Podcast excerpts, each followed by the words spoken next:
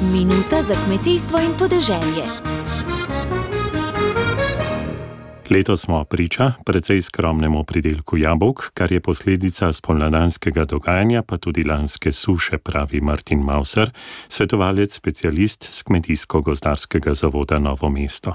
Svetuje, da jabolka v sok, če sami nimamo primerne opreme, peljemo v predelavo na najbližjo kmetijo, kjer ponujajo take storitve. Podaril bi to, da sadje dozoreva, da ni za pričakovati neke zelo zgodne letine, smo kar nekako v tistih okvirih, ki so eh, nam domači. Eh, tudi pridelovalci naj ne hitijo z obiranjem, naj počakajo ali na barvo pešk, ali na, naj naredijo kakšni škrobni test, ali naj pogledajo malo na splet.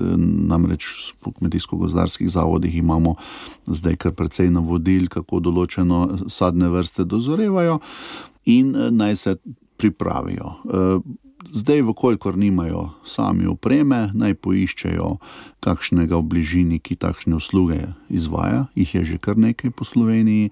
Takšne kmetije z dopolnilno dejavnostjo so opremljene eh, z kakovostno linijo, zmogljivo linijo, imajo znanje in takšna storitev načeloma je bolj priporočljiva.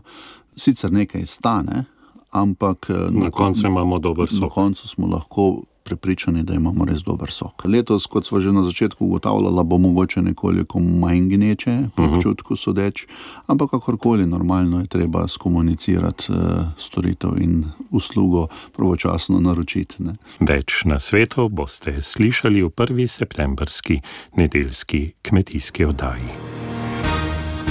Dobro se je zavedati, kmetijstvo nas vse preživlja.